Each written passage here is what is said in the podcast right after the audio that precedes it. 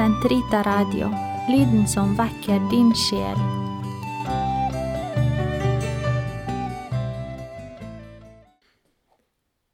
Den katolske kirkes katekisme, uke 46, tirsdag 9.04 til 9.13.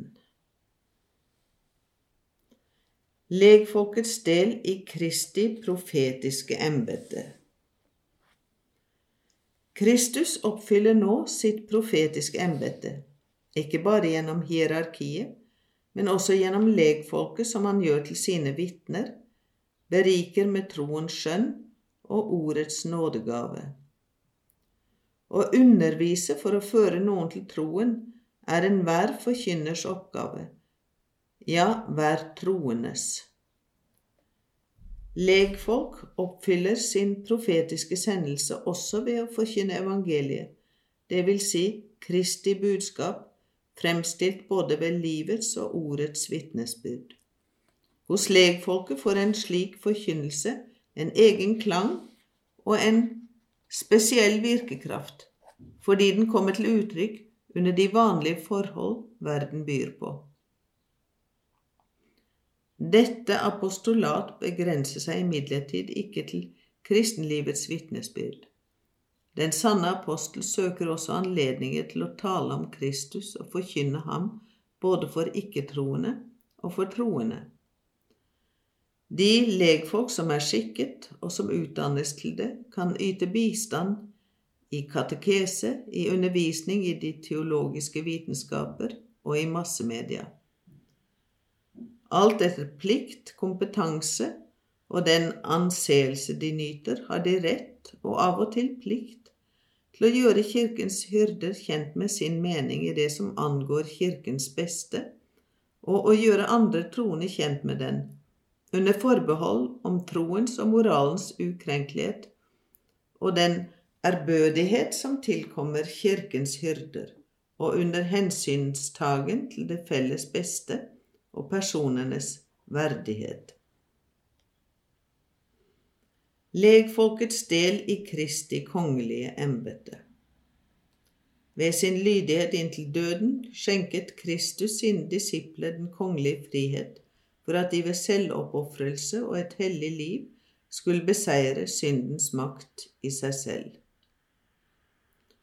Den som overvinner sitt eget legeme og styrer sin sjel uten å la seg overvelde av lidenskapene, er sin egen herre. Han kan kalles konge fordi han er i stand til å styre seg selv. Han er fri og uavhengig og lar seg ikke trellbinde av synd. Legfolket bør også innstille sine krefter på å sanere samfunnsstrukturer og levekår der hvor disse kan føre til synd, bringe dem i overensstemmelse med rettferdighetens krav så de ikke motarbeider, men tvert om fremmer etiske verdier. Ved å gå inn for, det, for dette vil de også gjennomsyre menneskers verk og kultur med moralske verdier. Legfolk kan også kjenne seg kalt, eller bli kalt, til å samarbeide med Kirkens hyrder i det kirkelige fellesskaps tjeneste for å gi det vekst og liv i svært forskjellige oppgaver, alt etter den nåde og de karismer Herren finner for godt å gi til hver enkelt. I Kirken kan legekristne i samsvar med det som er bestemt i gjeldende rett, samarbeide i utøvelsen av den samme styringsmyndighet.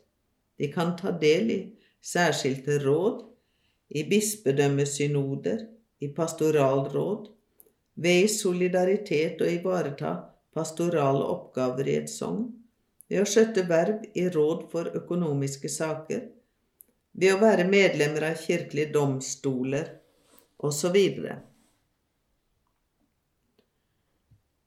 De troende bør lære å skjelne klart mellom de rettigheter og plikter de har som medlemmer av Kirken, og dem de har som medlemmer av det verdslige samfunn. De bør legge vind på å bringe begge deler i harmoni og huske at de er forpliktet til å rette seg etter sin kristne samvittighet også i alle verdslige saker fordi ingen menneskelig virksomhet kan unndras Guds herredømme, ikke engang i jordiske ting.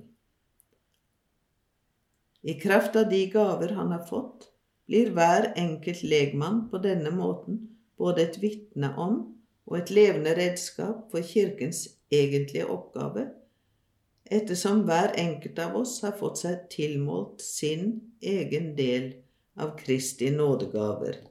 Efeserne 4, 7.